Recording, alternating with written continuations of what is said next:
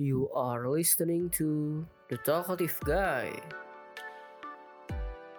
Hey guys, welcome back to The Talkative Guy. Minggu ini gue kembali rekaman dengan teman sharing yang berbeda, tentu aja dengan topik yang berbeda. Kali ini kita akan bahas tentang hard work build character. Dengan teman sharing ada siapa nih? Halo.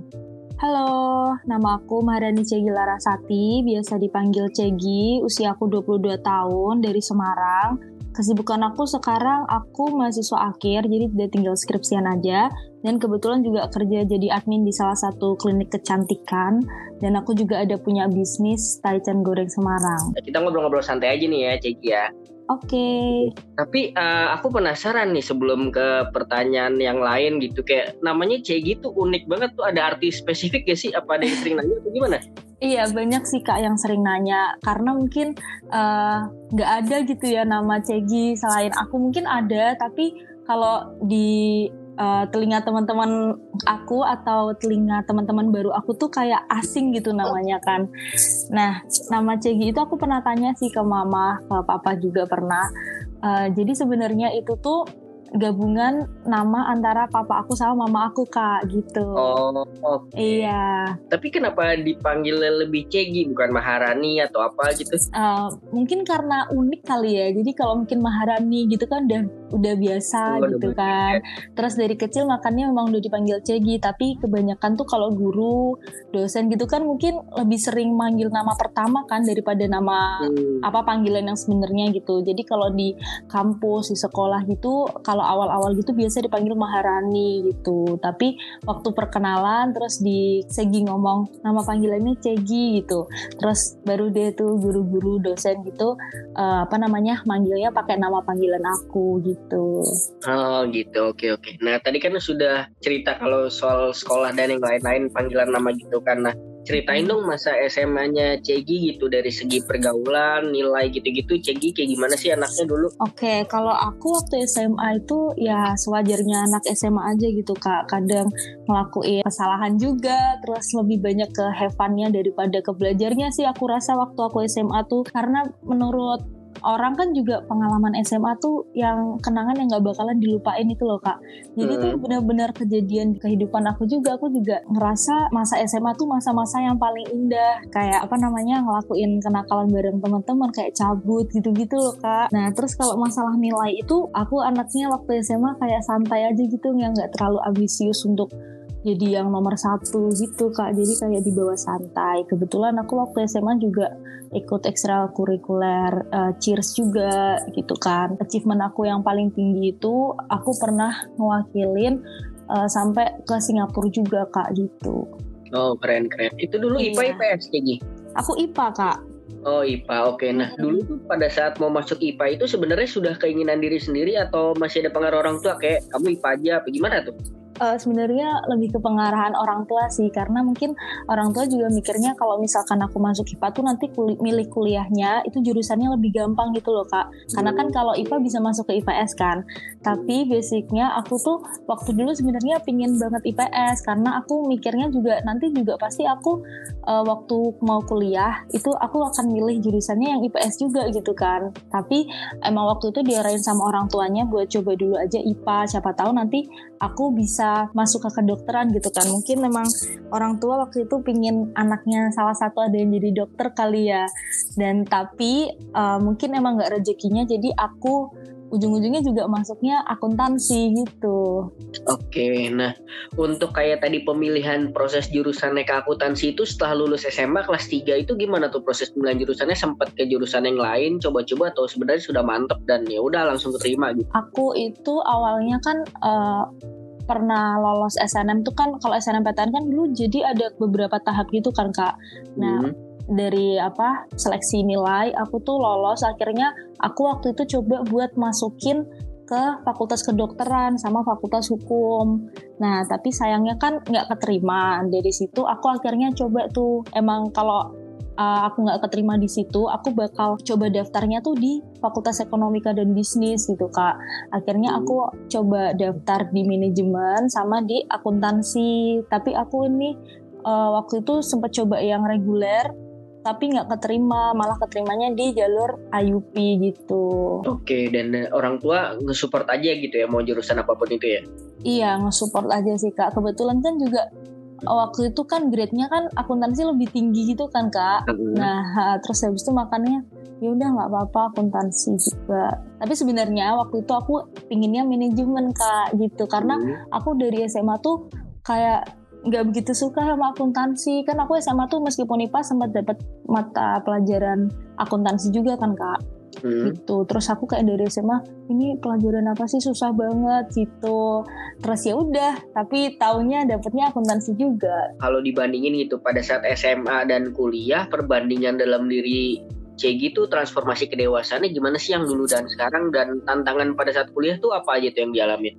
eh, transformasi aku itu yang paling aku rasain aku jauh lebih percaya diri kak. Karena mungkin kalau SMA kan pembelajarannya ya guru yang ngajarin kita duduk aja catet terus ngedengerin kan. Kalau kuliah kan kita lebih kita harus belajar speak up gitu presentasi. Terus kebetulan aku juga ikut organisasi di kampus itu aku selalu jadi MC gitu. Jadi aku mulai ngerasa uh, rasa kepercayaan diri aku nih meningkat waktu aku kuliah dibandingkan waktu aku masih SMA gitu. Selain uh, rasa kepercayaan diri aku itu, aku rasa transformasi yang lebih uh, kelihatan itu aku jauh lebih ngelihat sesuatu yang udah terjadi tuh dari sisi positifnya kak. Kalau dulu tuh aku selalu mikirnya ah negatifnya dulu karena takut berekspektasi yang terlalu tinggi gitu. Kalau tantangan dalam kuliah apa nih dari segi pelajaran, pergaulan atau apa nih yang dirasain? Apa fine-fine aja justru pas kuliah? Kalau tantangan waktu kuliah itu kan karena aku jurusannya IUP jadi uh, pembelajarannya itu kan pakai bahasa Inggris terus kan kak. Nah itu tantangan banget buat aku karena uh, dari aku kecil sampai terakhir aku SMA itu uh, bahasa Inggris kan bukan uh, bahasa utama aku kan gitu. Hmm. ya bahas bukan bahasa utama di negara kita juga kan. Jadinya aku ngerasa itu tantangan banget sih buat aku di mana aku presentasi itu harus pakai bahasa Inggris. Aku mahamin mata kuliahnya tuh harus pakai bahasa Inggris semua bukunya bahasa Inggris. Jadi tuh awal tuh aku ngerasa kesulitan sih kak karena emang nggak kebiasaan aja gitu. Tapi uh, seiring berjalannya waktu aku juga udah kebiasaan. Dan aku harus membiasakan diri aku juga. Aku akunya sendiri juga harus uh, beradaptasi dan harus uh, bisa uh, ngelewatin yang kesulitan di awal-awal aku kuliah itu gitu kak. Bener-bener ya kalau nggak beradaptasi nanti Ceginya sendiri yang rugi gitu ya, yang Iya, lain gitu fine-fine kan. aja ya. Iya karena kan kita nggak bisa kan nyuruh orang buat beradaptasi dengan diri kita ya mau nggak mau Hmm. kita emang harus beradaptasi sama lingkungan baru kita gitu. Oke, nah untuk orang tua nih, orang tua tuh ngedidik Cegi tuh dari kecil tuh kayak gimana sih dan pesan apa yang paling diinget sampai sekarang nih? Uh, orang tua aku itu ngedidik aku dari kecil tuh dengan sangat baik. Aku alhamdulillah juga ada di keluarga lingkungan keluarga yang hangat gitu kan kak. Yang paling diingat itu ya kalau mau dapetin sesuatu tuh kita harus usaha dulu. Jadi waktu aku dari kecil itu aku tidak akan mendapatkan sesuatu kalau nilai aku nggak bagus gitu kak. Misalnya aku contoh contoh kecilnya aja aku pingin mainan gitu, aku nggak akan langsung dibeliin. Jadi orang tua aku tuh pasti selalu kayak buktiin dulu nilai kamu bisa bisa 90 apa enggak gitu. Tapi enggak yang maksa banget kamu harus 90 gini gini gini gini gitu enggak. Kamu harus buktiin dapat nilai 90 dulu nanti baru mamah beliin mainan gitu kak. Jadi aku emang udah dari kecil tuh uh, selalu punya sesuatu untuk memotivasi aku buat sampai ke goals aku gitu Hmm, oke, ibarat kata ya nggak segampang itu lah ya mendapatkan Iya, sesuatu benar. diajarin kayak gitu ya. ya meskipun orang tua mungkin mampu untuk membelikan itu cuman Iya. nggak ma- nggak mau ngemanjain kita gitu kak mungkin takutnya kebiasaan nanti dari kecil dimanjain nanti sampai besar kitanya ogah-ogahan buat apa namanya usaha sendiri gitu jadi dari kecil pun aku juga ngerasa itu sih yang ngebikin aku termotivasi kayak nggak malu juga untuk nawarin bisnis ke orang. Nah, terus kalau misalkan dalam hidup nih terserah mau cerita yang mana aja, satu momen up dan satu momen down yang bisa Cegi share tuh apa tuh? dari momen down aku dulu aja kali ya kak. Nah, yang paling down di hidup aku itu uh, waktu tahun 2017 ya. Itu papa aku nggak ada gitu kan. Itu benar-benar momen terdown di kehidupan aku gitu di mana aku yang masih kuliah semester awal gitu kan itu udah harus kehilangan papa aku. Kan aku otomatis shock juga ya kak. Momen yang paling bahagia di hidup aku tuh yang paling up banget itu tuh pada saat uh, papa masih ada itu tuh aku sempat bikin bahagia karena sebelum papa nggak ada itu aku ngasih tahu ke papa kalau misalkan aku ini alhamdulillah lolos exchange buat ke Taiwan gitu kak. Dan waktu itu papa bener-bener yang seneng banget wow selamat ya gini gini gini. Akhirnya bisa exchange juga karena kan waktu itu emang kalau mau exchange itu harus ada interview dan lain sebagainya gitu kan kak. Aku waktu itu cuman ya udahlah uh, iseng-iseng dulu aja sambil nunggu nanti apa namanya single degree gitu jadi aku ikut exchange dulu aja gitu ternyata alhamdulillahnya lolos dan waktu itu papa masih ada gitu meskipun waktu aku berangkat itu mm-hmm. bener-bener uh, hapus satu bulan papa aku udah nggak ada itu kan yang bikin sedih juga ya hmm. kak karena kita udah sempat bikin bahagia kita tahu papa tahu uh, Segi bisa lolos exchange tapi waktu Seginya berangkat malah papanya udah nggak ada gitu. Itu sih momen up and down aku kak. Gitu. Ya itulah ya kalau misalkan namanya umur nggak ada yang tahu kan dan lupa sadar bahwa kayak kita sebagai anak semakin tua ya ternyata orang tua kita juga semakin tua juga gitu loh juga gitu ya kalau kita terlalu sibuk dengan urusan kita gitu. Oke, okay, nah habis itu kalau misalkan kayak gini lagi menghadapi momen down apa pun itu gitu terserah. Gimana sih atau seberapa pengaruh sih motivasi atau sugesti dalam dirinya Cegi gitu supaya bangkit lagi? Uh, itu benar-benar uh, pengaruh banget sih kak. Kalau misalkan momen yang paling down itu terjadi di kehidupan kita atau sesuatu hal yang kita takuti selama kita hidup itu kejadian akhirnya itu kan otomatis kita pasti bakal mungkin akan ngerasa putus asa, ngerasa usaha kita sia-sia. Maksudnya dalam konteks apa pun itu yang terjadi ya kak. Iya. Itu tuh uh, cara aku buat bangkitnya lagi tuh aku harus ingat kalau di kehidupan aku kan otomatis momen dan aku ketika papa aku nggak ada. Nah cara aku bang, aku pasti sempet banget ngerasa aku wah gimana nih ya, aku pasti bakal bla bla bla bla. Aku pasti mikir negatif thinkingnya gitu loh kak. Dan aku sempet juga ngerasa nyerah waktu itu. Nah, cara aku buat bangkitnya itu aku ingat tujuan awal sama goals aku apa. Otomatis goals aku kan bikin keluarga aku terutama papa mama aku bahagia ngelihat aku gitu. Jadi aku inget inget tujuan awal aku aja gitu Kak. Kena apa namanya?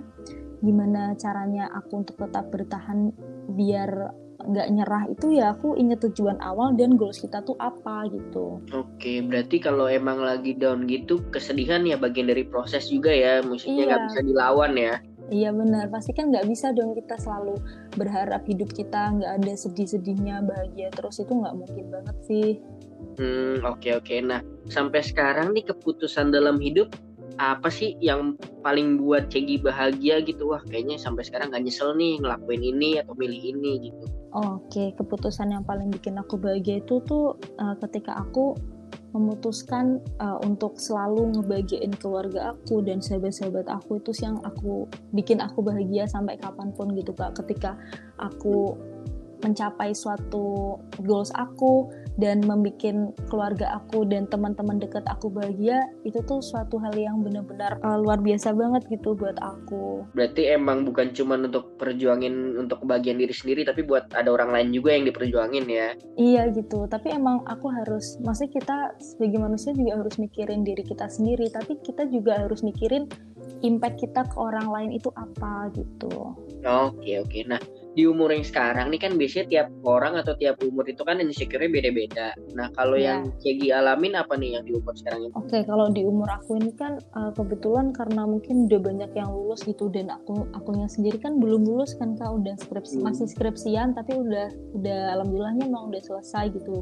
Cuman uh, itu sih hal insecure-nya tuh ketika ngelihat orang lain udah sidang atau udah wisuda itu insecure banget bikin aku insecure gitu kan. Tapi ya gitu aku juga ingat uh, aku harus tetap semangat. Maksudnya jangan terus ngelihat orang lain kayak gitu terus kita jadi mikir kita kita nggak bisa kita ini apa namanya lambat dan lain sebagainya gitu. Ya itu kan yang bikin kita tambah insecure karena kita eh, nggak uh, percaya sama diri kita sendiri gitu kak. Satu-satunya cara aku ngerjain itu dengan semangat. Terus habis itu aku harus punya highly motivated buat ngerjain skripsi aku biar aku mencapai pencapaian yang tertinggi aku yaitu lulus gitu. Amin amin. Semoga cepat lulus amin ya.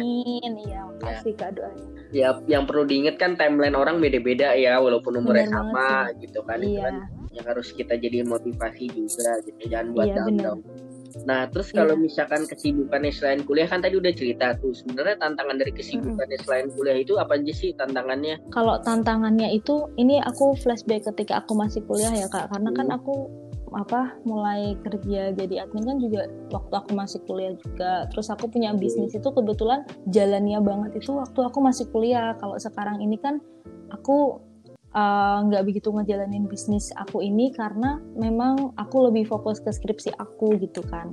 Hmm. karena pekerjaan maupun bisnis aku ini semuanya online base gitu kan kak jadi tantangannya itu yang bagi waktunya aja sih gimana caranya aku harus uh, bagi waktu kalau aku waktu kuliah aku ya harus fokus kuliah aja gitu kan kalau misalkan aku udah selesai kuliah atau ada break time-nya aku harus uh, fokus ke kerjaan aku yang sebagai admin. Nah selain itu aku juga harus controlling bisnis aku uh, yang lagi jalan pada saat itu gitu. Karena kadang juga tiba-tiba waktu aku masih ada kelas nih aku dapat callingan dari mama ini pesanannya gimana ya? Gini gini gini gini. Hmm. itu sih tantangan tantangan aku yang paling berat tuh aku harus ada di posisi sedang dalam belajar di kampus tapi aku pikirannya ke mana-mana gitu loh kak Hmm. itu sih tantangannya tapi aku mikirnya juga waktu itu uh, cara aku buat ngatasin itu ya waktu sampai rumah itu aku biasanya lihat-lihat lagi nih baca lagi tadi yang dipelajari itu apa gitu kalau nggak paling pinjam catatan teman sih kak gitu Hmm, Oke oke menarik. menarik. iya Tapi dalam artian kalau jenis pekerjaan jadi admin atau de- dengan dunia digital kayak gitu enjoy ya ngerjainnya ya. Enjoy banget kak. Karena itu kita bisa kerjain di mana pun gitu. Nggak mesti terpacu kita datang ke kantornya dan lain sebagainya. Kita bisa kerjain itu di mana. Kita cuma tinggal bikin timeline dan balesin semua chatting yang masuk gitu kan kak. Jadi aku enjoy banget kak. Nah kan kita langsung masuk ke obrolan utama kita nih tentang karakter gitu. Nah iya. kalau menurut Cegi sendiri sepenting apa sih karakter menurut Cegi dan kalau bisa dideskripsiin karakter Cegi kayak gimana sih emangnya? Oke, menurut aku tuh karakter itu penting banget kak, karena karakter itu kan yang menentukan kita tuh seperti apa di mata orang lain gitu. Dan karakter itu kan pasti terbentuk dari kita masih kecil, gimana lingkungan kita, gimana orang tua ngajarin kita waktu kita masih kecil, gimana teman-teman terdekat kita yang kita pilih dan sesirkel gitu kan otomatis bisa dibilang kita sekarakter juga gitu kan kak. Dan- menurut aku ya itu karakter itu tuh jadi uh, suatu hal yang pasti bakal dilihat pertama kali maupun kita uh, buat berteman. Pasti tentu aja kita uh, dalam pertemanan juga mil- memilih-milih teman yang sesuai sama karakter kita. Terus waktu kita kerja besok mungkin juga pasti yang dilihat utama tuh ini orang karakternya kayak gimana mungkin kayak gitu kak. Jadi karakter itu penting banget. Terus habis itu sampai sekarang ini sebenarnya kalau ditanya seperti apa sih karakter aku itu tuh menurut aku pertanyaan yang paling susah karena uh, mungkin aku sendiri juga nggak bisa ngelihat karakter aku kayak apa gitu. Karena mungkin karakter ini bisa bisanya dilihat ya dari orang lain kayak aku menilai kakak orangnya gimana kakak juga menilai Hmm. aku orangnya kayak gimana itu kan pasti juga tiap orang pandangannya beda-beda gitu kak. Tapi mungkin bisa dibilang aku nih karakternya ya mudah beradaptasi dengan lingkungan yang baru jadi aku nggak pernah malu buat ngajak ngobrol orang pertama kali gitu kak. Ada kan orang yang tipikalnya emang malu-malu dan maunya juga diajak ngobrol dulu daripada mulai memulai obrolan gitu kan. Kalau aku sih lebih ke aku nggak masalah gitu memulai obrolan. Jadi aku bisa mudah beradaptasi gitu dengan lingkungan aku yang baru. Terus selain itu juga karena dari kecil papa aku itu kan uh, kerjanya pindah-pindah gitu kan kak. Jadi aku Hmm. suka ditinggalin gitu kan sama kakak-kakak aku di rumah. Jadinya emang dari kecilnya aku udah dilatih untuk mandiri kak. Aku pun dari kecil tuh sebenarnya udah uh, bisnis juga kak. Aku waktu SD aja tuh udah jualan label jualan stiker jualan Oh, Oke. ah, ah, macam-macam gitu kan jadi aku tuh eh, kadang juga uang jajan juga dari aku sendiri gitu ada uang tambahan gitu kan Hmm. jadi nggak nggak melulu aku minta orang tua gitu dari aku masih kecil emang udah eh, punya pemikiran kayak gitu gitu terus habis itu selain mandiri juga aku orangnya nggak tegaan gitu sih kak sama orang lain gitu jadi mungkin rasa empatinya lebih besar aja gitu Nah ini ada yang menarik nih aku pengen tanyain. Kalau misalkan kita ada di lingkungan yang kurang baik gitu, misalkan dari kecil gitu. Nah untuk kayak berproses berubahnya itu sebenarnya karakternya bisa diubah gak sih seiring berjalannya waktu apa karena sudah dewasa malah susah karakternya kalau udah bawa dari kecil kurang baik menurut Cegi aja gitu. Oh kalau menurut aku mungkin karakter itu udah terbentuk dari kita masih kecil ya kak maupun di lingkungan keluarga, sosial ataupun pendidikannya juga gitu. Jadi kalau hmm. untuk merubah merubah karakter itu mungkin bisa tapi susah gitu karena ibaratnya kalau mungkin kita dari kecil udah uh, dilatih mandiri terus habis itu waktu besar mungkin kita apa namanya dimanjain pasti jatuhnya kita nggak enakan gitu.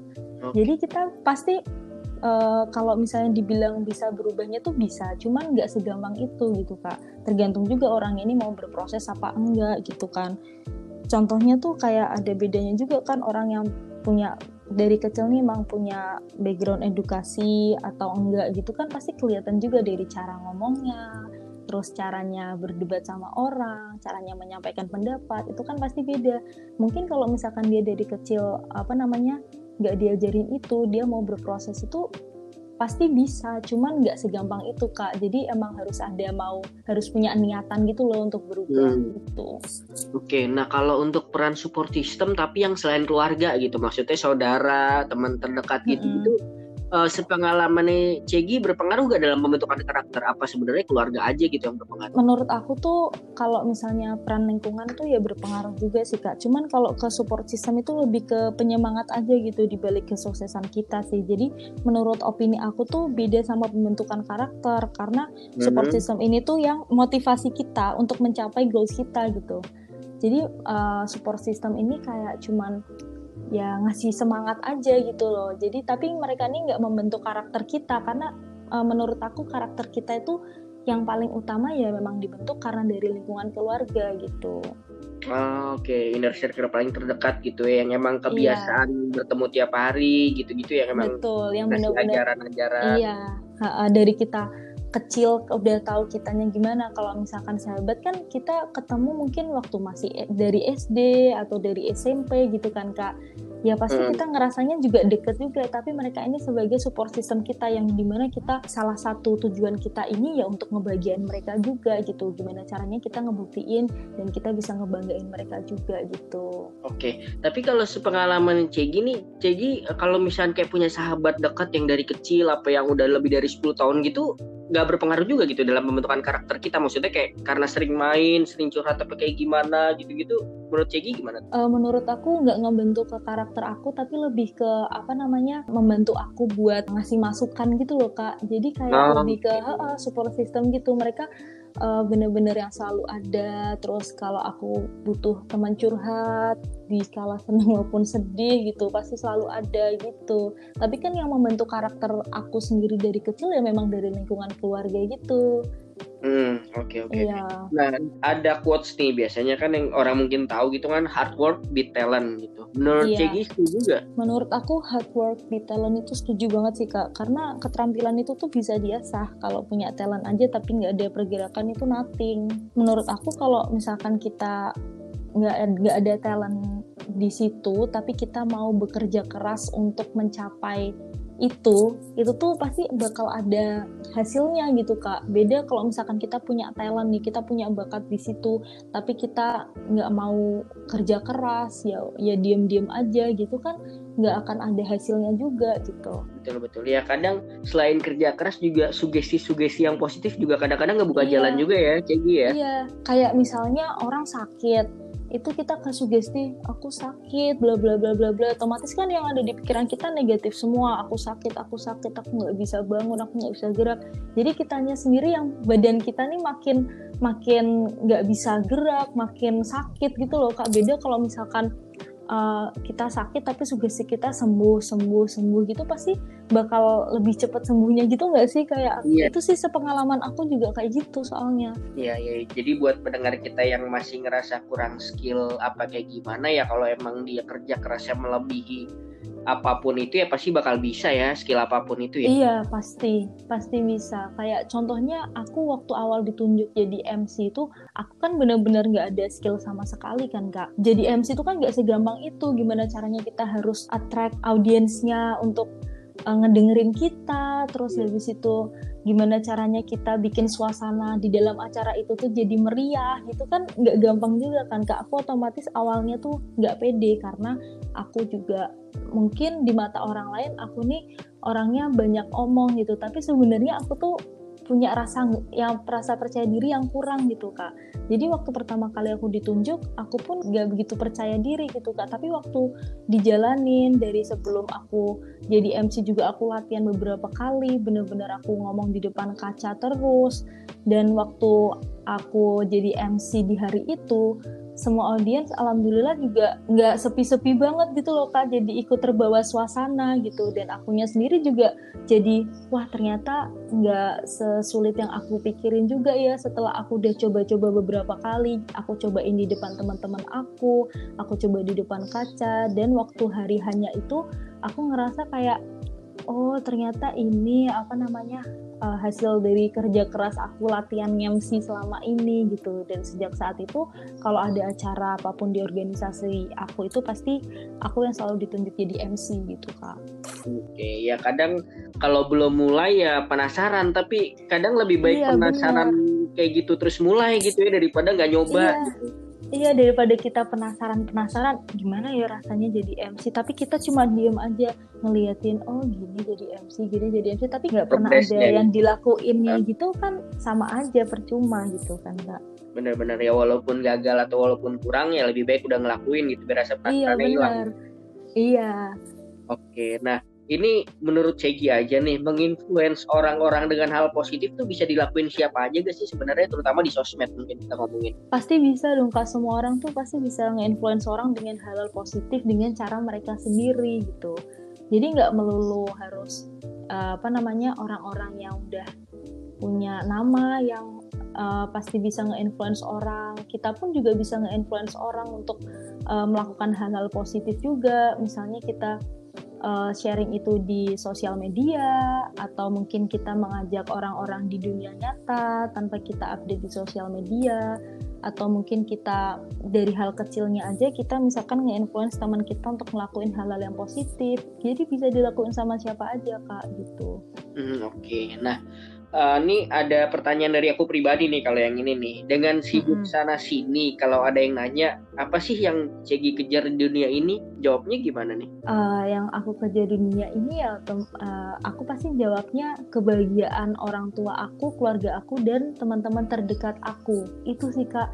Jadi uh, mau aku nantinya sesukses apa pun aku itu orang-orang di belakang aku tuh ya keluarga aku sahabat-sahabat aku dan uh, semua orang yang berjasa di hidup aku gitu kak yang ada di balik kesuksesan aku nantinya ya.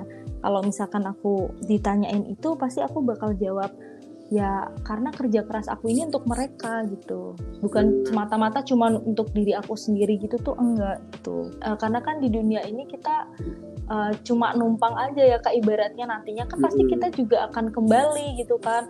Nah selama kita masih hidup ini ya tujuan kita selain ibadah kan memang udah wajib kan kak uh, selain itu ya otomatis kita harus ngebahagiain orang tua ngebahagiain orang-orang di sekitar kita juga gitu karena apa sih yang kita cari di dunia ini selain itu gitu Oke, ya ibaratnya walaupun secapek-capeknya tapi tetap ada tujuannya bukan cuma uang doang gitu ya Cegi ya? Iya, nggak melulu harus uang karena uang tuh kan nggak bisa ngebayar kebahagiaan kita juga. Ibaratnya kayak uh, mungkin kita hidup di keluarga yang sederhana, kita bahagia, kita otomatis pernah dong ngerasa kayak uh, wah orang itu kaya banget mm. pasti hidup pasti hidupnya uh, bahagia senang-senang terus bla tapi kan kita nggak tahu di balik kehidupan orang itu tuh ada rasa sakit mungkin yang dihadapi uh, mungkin sering ditinggal orang tuanya karena sibuk kerja dan lain-lain akhirnya jadi kurang perhatian dan lain sebagainya gitu kan kak.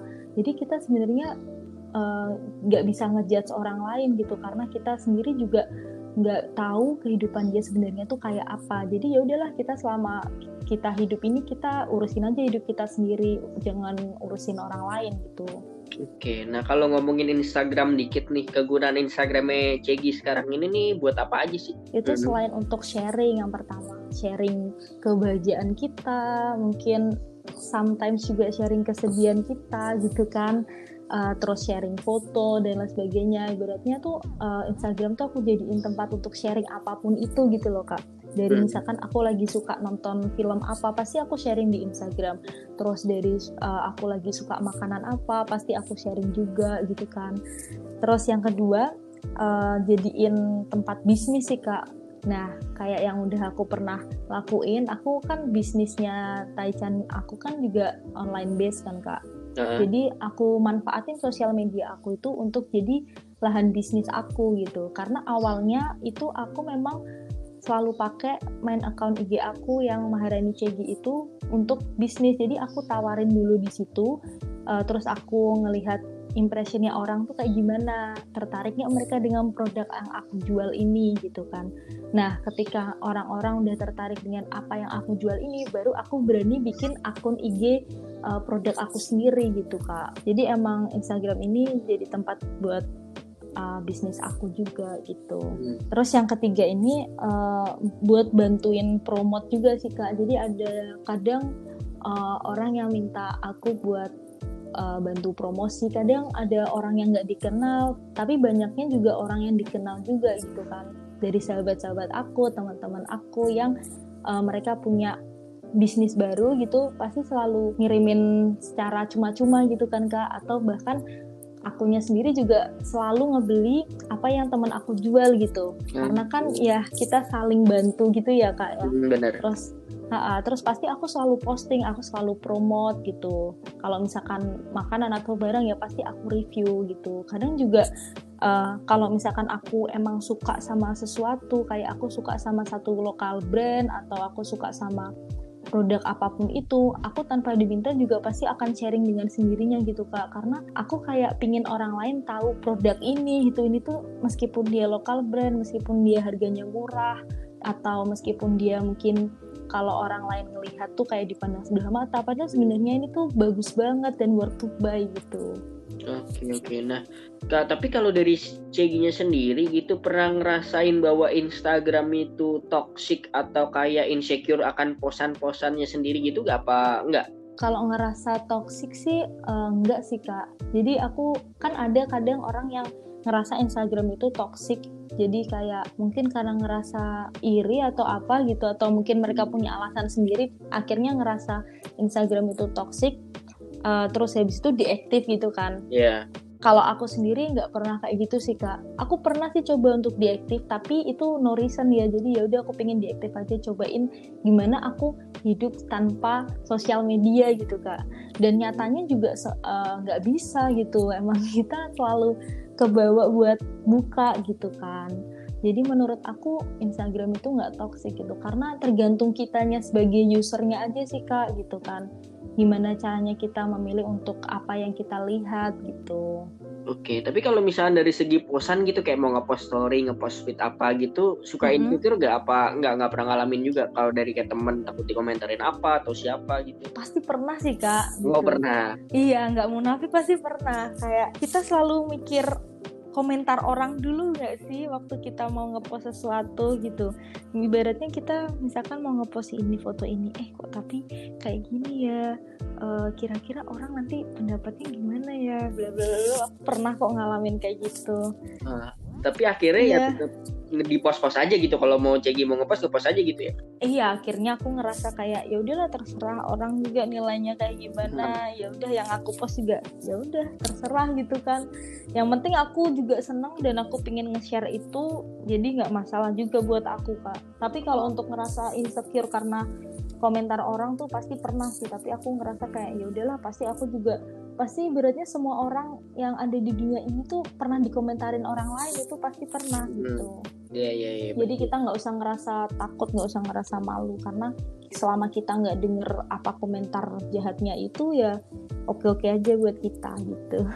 Ya balik lagi buat kebahagiaan diri sendiri ya dinilainya. Iya benar. Oke, iya. nah dalam tiga tahun ke depan impiannya apa aja nih kayak gini yang terakhir nih gue pengen tahu nih Oke, dalam tiga tahun ke depan ya kak, itu ya kalau untuk tahun ini ya aku pencapaiannya ya aku pengen lulus ter- lulus dulu gitu kan. Amin. Kalau mungkin ditanya tiga tahun ke depan, aku pengen kerja di foreign company atau di bank BUMN dan aku pengen ngebahagiain orang tua aku pastinya gitu kan. Eh, terus aku juga pastinya ada keinginan dia pasti me- pengen menikah juga kak gitu kan.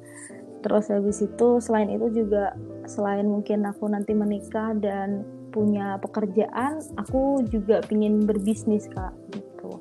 Hmm, bisnis apa tuh pengennya Pinginnya sih di makanan juga ya kak. Aku mungkin pingin ngelanjutin bisnis aku sebelumnya gitu. Karena selama aku nggak open ini eh, lumayan banyak juga sih yang teman-teman aku atau apa pelanggan-pelanggan aku biasanya tuh yang nanyain kak aku nggak pernah open lagi? dan lain sebagainya gitu.